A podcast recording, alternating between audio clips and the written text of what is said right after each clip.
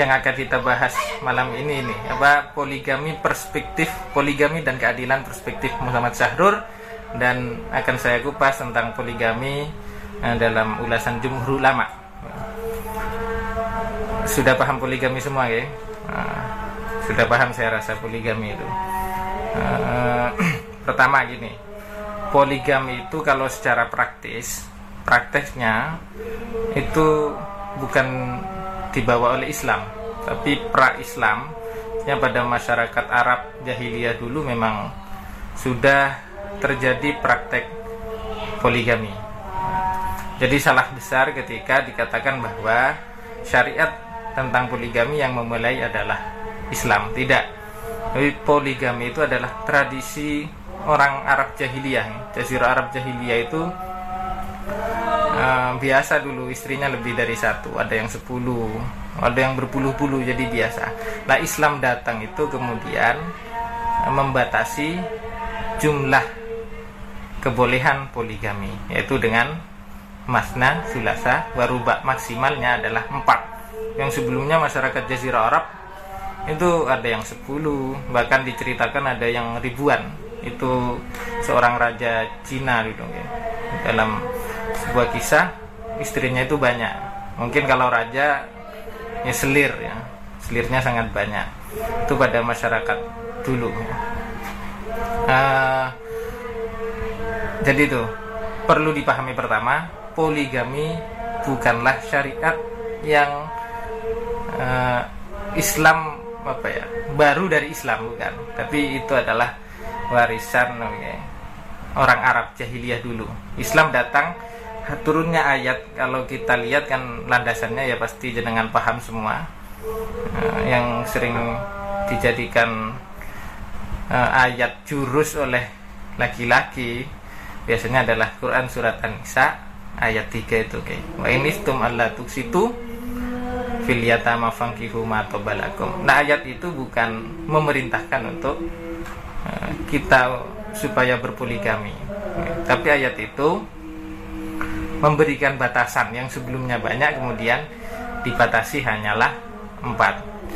Nah, tapi kalau kita dengar di dai, ya, karena rata-rata yang ceramah itu adalah laki-laki, saya lihat ya banyak yang sangat pro terhadap poligami, sehingga jurus ini dijadikan alasan uh, untuk membuat ilegal sebenarnya, tapi membuat ala apa ya seakan-akan poligami itu adalah perintah perintah uh, Islam.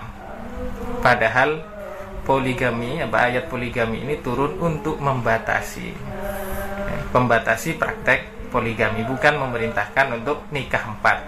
Jadi itu pertama yang perlu dicatat terkait poligami. Ya.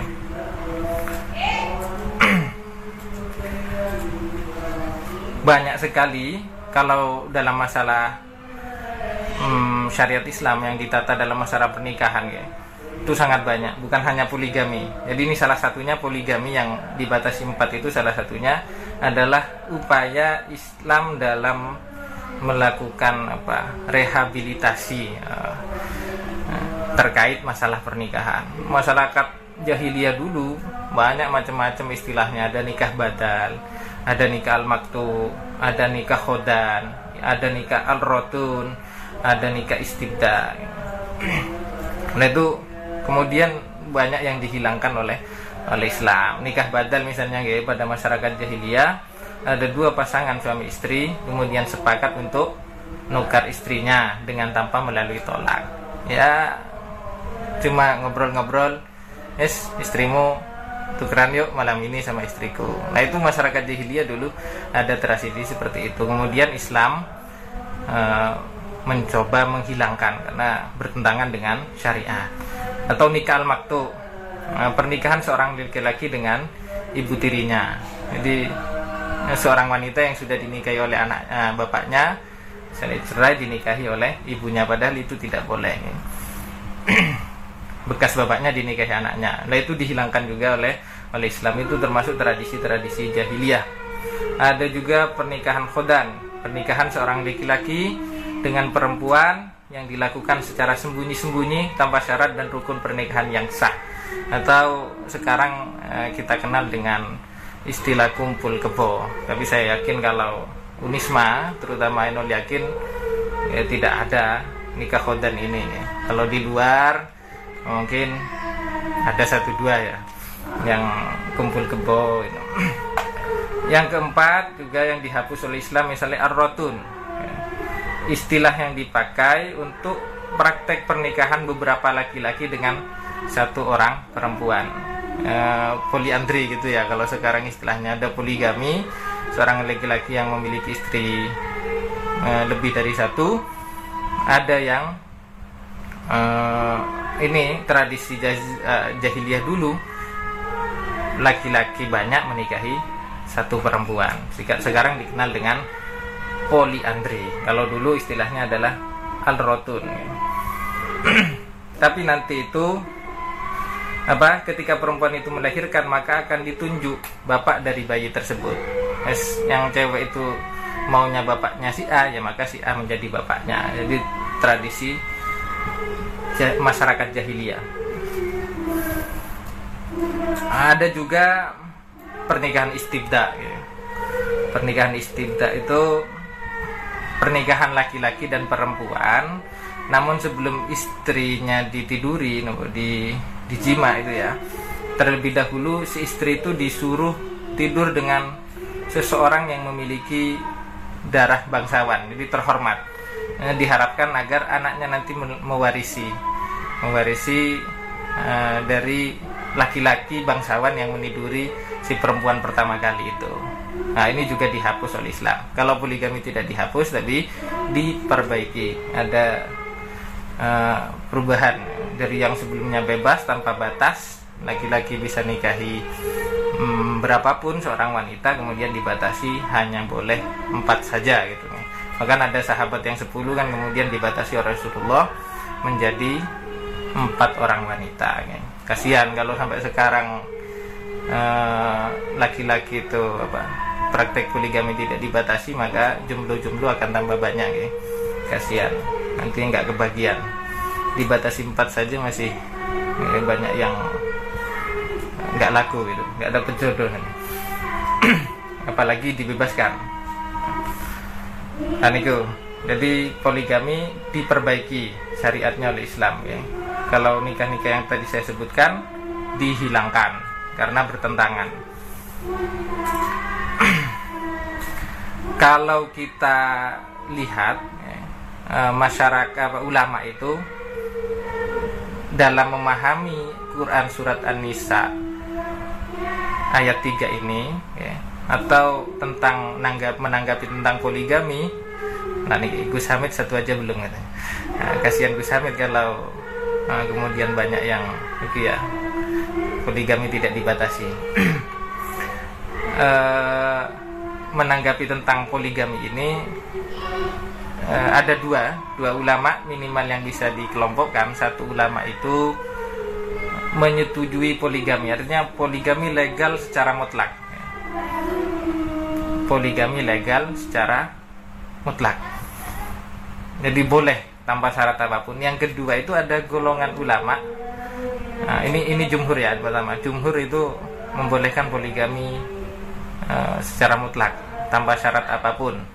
Kemudian ada ulama atau ilmuwan ya, yang membolehkan poligami tapi harus memenuhi syarat-syarat tertentu. Uh, syahrur yang kita bahas ini uh, malam ini itu masuk dalam golongan kedua. Bahkan dalam ya, pemikiran kontemporer, tokoh kontemporer Muhammad Abduh Nigu mengharamkan poligami. Dengan bisa baca-baca sendiri. Kita sekarang fokus ke Syahrul ya. Jadi kalau di uh, tentang ulama kontemporer maka menjadi tiga uh, membolehkan secara mutlak, membolehkan dengan syarat, membolehkan uh, tidak membolehkan gitu ya. Ada tiga golongan ini menanggapi terkait praktek poligami. Syahrul masuk di membolehkan dengan syarat. Nah, nanti kita lihat syaratnya apa ya biar bisa poligami. Makanya nih gue pelajari. Nah, nanti step selanjutnya adalah pemenuhan syarat itu kalau mencapai syarat bisa poligami berarti Niki uh, kita sebelum masuk kok bisa ya Syahrul menanggapi poligami itu harus ada syaratnya nah, itu semua tergantung pada cara pandang ya, pendekatan yang dipakai. Hasil itu kan ditentukan oleh caranya jenengan mau ke mana misalnya? Ke Landung Sari kalau oh bukan Landung Sari kedeketan ya.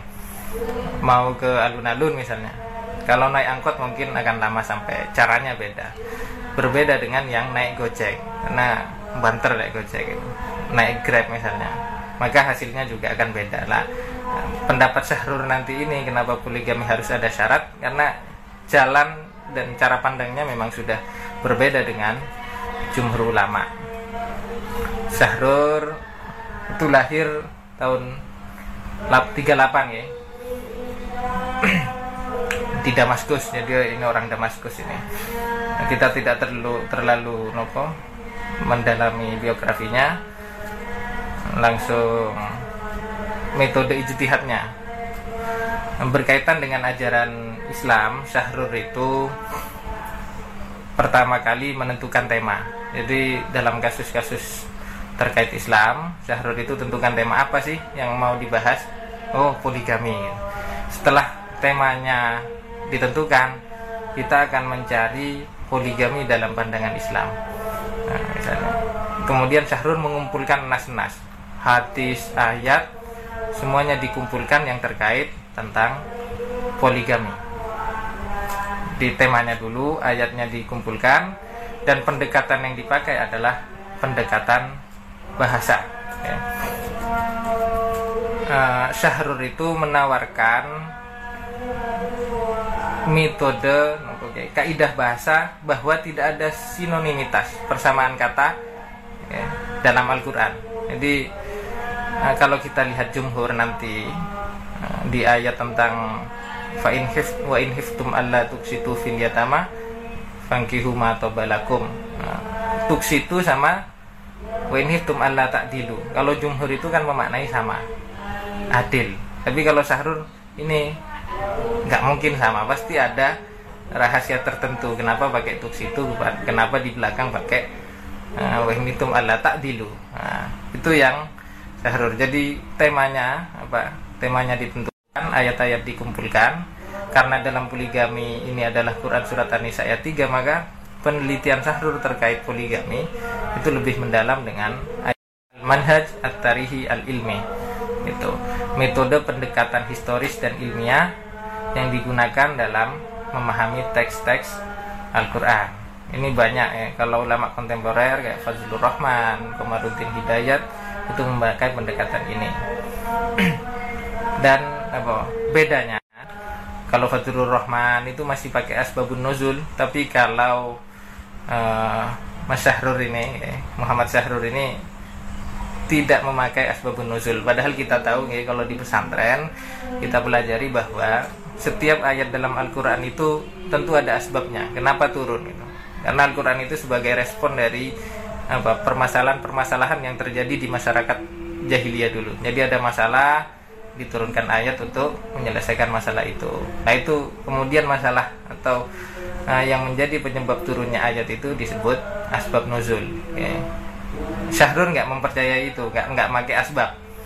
Jadi makanya kemudian nanti uh, tafsiran-tafsiran Syahrul ini menjadi lemah dan banyak dikecam oleh ulama karena meniadakan asbab itu. Itu ya cara berpikirnya Syahrul itu. Cara pandangnya. Beda dengan jumhur maka hasilnya akan beda. Uh, selanjutnya yang tadi saya sampaikan bahwa yang dijadikan landasan atau dasar hukum poligami adalah Quran surat An-Nisa ayat tiga. Di mana itu oleh para pendai sering di dipotong ya. Padahal wa in khiftum alla tuksitu nah, fil yatama itu kadang nggak dibaca. Langsung fangkihu ma balakum yang disampaikan. Al-Qur'an apa Islam itu merintahkan poligami. Karena di depannya uh, ayatnya itu sering nggak dibaca. Fa in hiftum alla tuksitu fil yatama fankihu ma tobalakum minan nisa imasna wa thulatha wa ruba fa in hiftum alla ta'dilu fawahidatan aw ma malakat aymanukum zalika adna alla ta'udu nah kalau jumhur ulama itu ini kan dan jika kamu khawatir tidak akan mampu berlaku adil terhadap hak-hak perempuan yatim bila kamu menikahinya maka nikahilah perempuan lain yang kamu senangi dua, tiga atau empat. Tetapi jika khawatir tidak akan mampu berbuat adil maka seorang saja artinya bahwa hidatan jangan jangan poligami cukup satu istri itu jumhur. Ya. Tapi kalau kuat eh, kalau mampu berlaku adil monggo langsung empat boleh gitu ya. Jadi seakan-akan nanti kalau fangkihu balakum itu menjadi amar yang mana Islam memerintahkan poligami. Tapi dalam pandangan Syahrur, ayat ini adalah ayat risalah yang berkaitan dengan persoalan muamalah. Uh, ini poligami menurut Syahrur itu hanya dibolehkan kepada janda ya, dengan mengacu pada konsep keadilan bagi anak-anak yatim dan anak-anaknya. Nanti nanti kita rutut.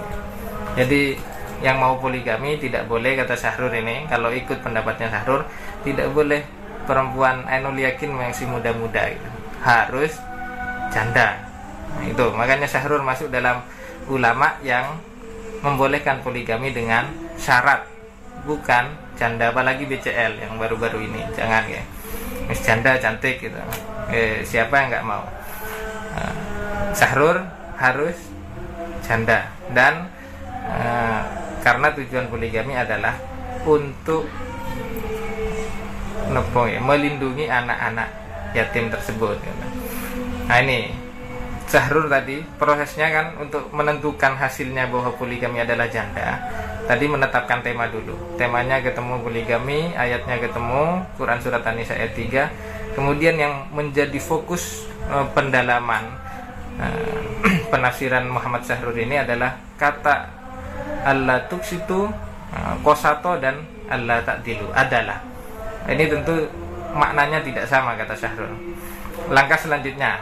Nah, setelah kata kuncinya ketemu yang akan saya dalami adalah kosato dan adalah uh, dicari maknanya. Apa sih maknanya kosato sebenarnya ini? Apa sih maknanya adalah? Nah ketemu kata Syahrul ini kosato itu perbuatan adil yang hanya, hanya melibatkan satu pihak. Sedangkan adalah adalah perbuatan adil yang melibatkan dua dua belah pihak. Wah ini sangat jauh nanti berbeda. Nah dalam memahami nah, Quran surat An-Nisa ayat 3 Syahrul dengan jumhur ulama. Nah, artinya kosato itu kan wain hiftum Allah situ. Kalau takut berbuat tidak dapat berbuat adil terhadap anak-anak janda, anak-anak janda, anak-anak janda itu anak yatim dari janda seorang janda Eh, maka nikahilah gitu ya kalau jumhur kalau adalah berbuat adil terhadap anaknya si suami yang akan poligami dan anak si janda yang akan dijadikan istri dua, tiga atau empat. Itu. Kalau jumhur ulama Allah tak dilu itu tidak dapat berbuat adil kepada istri istri satu, dua, tiga dan empat. Jadi beda. Objeknya menjadi beda karena memahami kosato dan adalah juga beda antara jumhur dan syahrur ya. Oh ini kok udah hampir ya? Udah jam 8.52 ternyata nah, jadi itu kata kuncinya tuksitu dan tak dilu yang mana dalam Al-Quran kemenak memang maknanya sama kemudian syahrur membedakan. Nah, saya singkat-singkat saja nih um, kalau ulama memang tidak membedakan ya adil gitu. Kalau sahrur adil dalam satu pihak kosato adil untuk dua pihak maka adalah adil antara saya dan kamu gitu itu harus pakai adalah. Nego ya. Uh, karena menganggap ada tidak ada sinonimitas kemudian terjemahan Muhammad Sahrur menjadi beda nanti. Tuh. Uh, penafsiran ulama tapi penafsiran ulama jumhur itu ya didasarkan pada asbab nuzul ya. ada seorang ulama namanya Urwah tentang asbab nuzul Quran surat An-Nisa ayat 3 ini ada seorang ulama yang nanya asbab nuzul kepada Aisyah tentang ayat wa in hiftum itu. Diceritakan bahwa itu kan ada apa mengenai anak yatim ini yang dalam penjagaan walinya. Hartanya bercampur kemudian kok pas besar si wali ini tertarik terhadap uh, anak yatim itu pengen dinikahi. Maka jangan katanya. Fangkihu matowakum nikahilah selain janda anak yatim itu. Cari orang lain eh, baik dua tiga atau empat boleh kamu poligami jadi niku kalau jumhur berpegang pada asbab. Kalau syahrul tidak ya. itu. Nah, jadi di sini sudah ada perbedaan. Semoga jenengan paham bedanya. Hmm, syahrul juga mengaitkan munasabah ayat ketiga ini surat An-Nisa dengan ayat sebelumnya yaitu ayat kedua yang pembahasannya adalah tentang perintah menjaga anak yatim. Wa atul yatama gimana? Amwalahum wala tatabaddulu itu. Nah, ayat kedua itu uh, punya kaitan erat dengan uh, ayat ketiga sehingga kata Syahrur ayat Quran surat An-Nisa ayat 3 ini dan ayat 2 ini nyambung munasabah. Jadi dalam upaya penjagaan uh, harta-harta anak yatim. Untuk itu um, ayat yang mengenai poligami di Quran surat An-Nisa ayat 3 ini uh, adalah upaya menjaga ya, baik dia sebelum menjadi anak dari si suami menjaga harta dan anak yatim itu atau setelah uh, ada ikatan suami istri antara si janda dengan suaminya itu. Jadi tujuannya adalah menjaga uh, plus apa bukan pelestarian ya, menjaga anak yatim sebelum dinikahi atau setelah dinikahi. Kalau di Indonesia kan enggak ya. Nah, makanya Syahrul tadi harus janda karena tujuannya adalah menjaga anak yatim. Kalau di sini yang dinikahi kan bukan janda, masih belum punya anak dan masih baru gitu, masih muda maksudnya masih turun turun dari dealer juga bukan janda. Nah ini sedikit berbeda pemahaman Syahrul.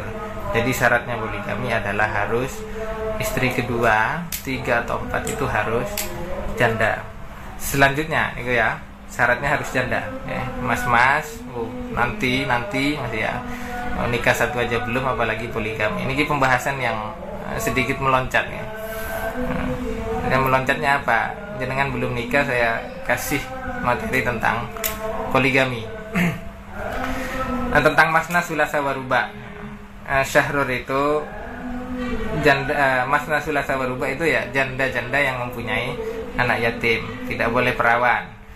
Uh, kemudian um, syahrur ini kan berbeda tadi dengan pandangan apa jumhur kalau jumhur nggak apa-apa sembarang. Janda iya perawan iya. Nah, tapi kalau syahrur janda yang mempunyai anak yatim dan ditinggal mati oleh suaminya ya. nah, selanjutnya adalah kata takdilu. Ini penafsiran syahrur. Takdilu itu kalau jumhur ulama itu adil terhadap istri-istrinya. Wa in hiftum alla ta'dilu fawahidatan. Nah, jumhur ulama fawahidatan berarti nggak boleh nambah istri. Ya cukup harus setia ke yang satu itu gitu. jangan nambah-nambah gitu. itu jumhur ulama. Tapi syahrur beda. Wa in hiftum alla ta'dilu fawahidatan. Artinya jika kamu takut tidak berla dapat berlaku adil, takdilu itu juga maknanya beda. Adil terhadap anak-anak antara anak si suami dan anak istri atau janda-janda yang akan dinikahi itu. Jadi keadilannya di sana. Karena menurut Syahrul nggak bisa adil terhadap istri. Itu dalam Quran surat An-Nisa sudah dijelaskan. Ada munasabahnya juga. Quran surat An-Nisa, An ayat 129 walan tastati'u an ta'dilu bainan nisa walau harastum fala tamilu kullal maili fatadharuha kal mu'allaqun. Di ayat sendiri sudah uh, mengatakan bahwa seorang suami tidak mungkin bisa berlaku adil terhadap istri-istrinya. Maka takdilu yang dimaksud di sini bukan istri tapi ter keadilan terhadap anak-anak. Itu kata Syahrul. Karena dalam ayat Al-Qur'an nggak mungkin suami itu terutama uh, kata Syahrul dalam masalah cinta, ya, pembagian cinta. Kalau pembagian bercinta beda, misalnya nah, bisa sama, ya. tiga hari tiga hari misalnya, nah, satu harinya libur, gitu. itu bisa. Kalau pembagian jam jam nopo jam kunjung. Tapi kalau masalah hati itu sangat sulit kata Syahrul. Namun ulama mengatakan eh, yang memang dimaksud di sana bukan tentang cinta, Nah, Rasulullah saja tidak dapat tidak mampu uh, membagi cinta secara adil. Gitu ya. Rasulullah itu kan nikah dengan Khadijah itu tidak poligami. Jadi lamanya Khadijah wafat baru dia uh, poligami karena banyak sekali tuntutan ada yang legal formal macam-macam alasannya ya. itu. Uh, Jumhur mengatakan Rasulullah itu juga tidak mampu kalau dalam membagi cinta non materi. Karena uh, Rasulullah itu kan nah, kalau hati itu kan nggak bisa ditebak ya. Kita kan dituntut berdoa ya muqallibal kulub sabit kolbi misalnya alat ini. Karena hati memang kolbun itu bolak balik nggak bisa. Sekarang suka si A uh, besok si B gitu. Kecuali hati saya gitu. Cuma untuk istri saya. Uh, bahkan Rasulullah mengalami itu. Rasulullah pernah berdoa Allahumma hadza qasami fima amliku fala talumni fima tamliku wala amlik. Berdoa ke Allah ya Allah ini giliran yang aku miliki yang mampu aku bagi terhadap istri-istriku maka janganlah engkau celah tentang apa ya, kasih sayang yang engkau miliki jadi yang yang memberikan kasih sayang suka lebih suka terhadap istri pertama, kedua itu yang megang kan Allah. Rasulullah berdoa gitu. Saya tidak mampu, tidak bisa memilikinya. Jadi Rasulullah saja yang memaksudkan itu adil terhadap istri-istri itu memang tentang nafkah dan bagian kata jumhur. Jadi Syahrul ini eh, salah ini itu bukan adil terhadap anak-anak. Ayat ini memang adil terhadap istri-istri tentang pembagian nafkah dan uh, dan apa ini uh, dan waktu kunjung itu ya waktu tidur si A tiga kali si B tiga kali tiga hari tiga malam misalnya di sana kalau istrinya dua kalau istrinya empat ya bisa dibagi sendiri jadi itu jadi apa nih kalau syahrul memandang poligami ini sebagai panggilan kemanusiaan. Jadi itu intinya ya. Syahrul itu poligami sebagai panggilan kemanusiaan dalam rangka menyantuni anak-anak yatim. Jadi kalau mau poligami, kalau kita ikut syahrul berarti harus mencari janda ya. yang anaknya perlu disantuni, perlu dirawat gitu. Nah, itu yang syahrul. Kalau jumhur enggak sembarang, guys kamu nikahi janda iya nikahi perawan iya janda yang ditinggal mati ya yang nggak punya anak iya sembarang nah itu jum jumhur paham ya maksudnya? Nah, jadi itu intinya syahrul. Dengan nah, nanti kalau ketemu tetangganya keluarganya yang poligami misalnya.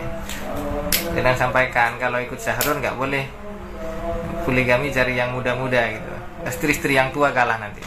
Cari janda yang punya anak. Karena tujuan poligami kata Syahrul adalah menyantuni anak-anak dari janda-janda tersebut.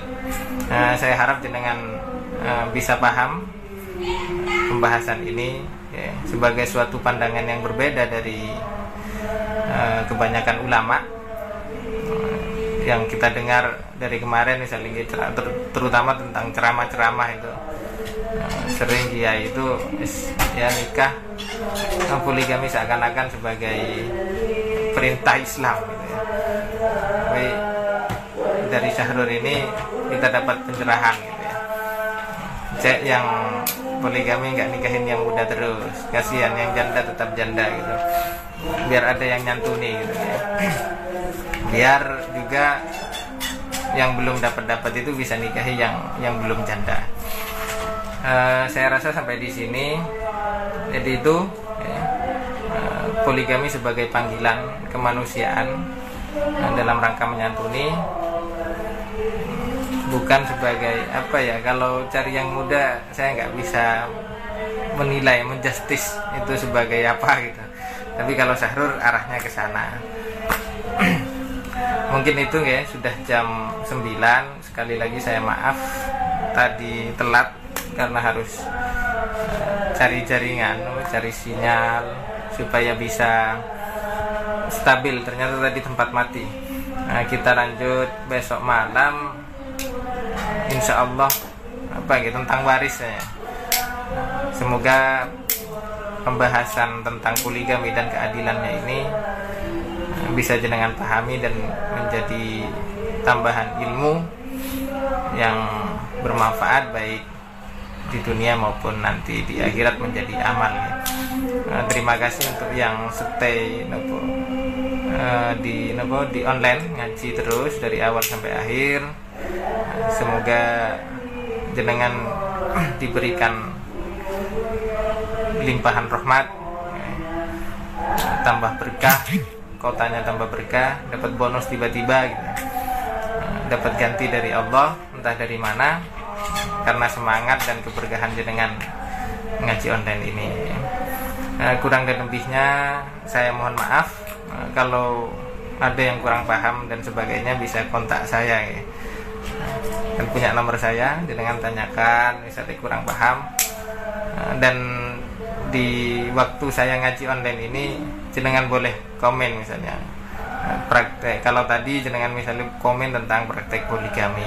Oh ayah saya poligami gitu atau tetangga saya poligami. Dan rata-rata nyari yang muda-muda misalnya. Biar yang lain juga mengetahui bahwa kenyataan praktek poligami memang ya kayak gitu kebanyakan nyari yang uh, muda-muda gitu ya. Ya itu kurang lebihnya mohon maaf. Kita akhiri. Assalamualaikum warahmatullahi wabarakatuh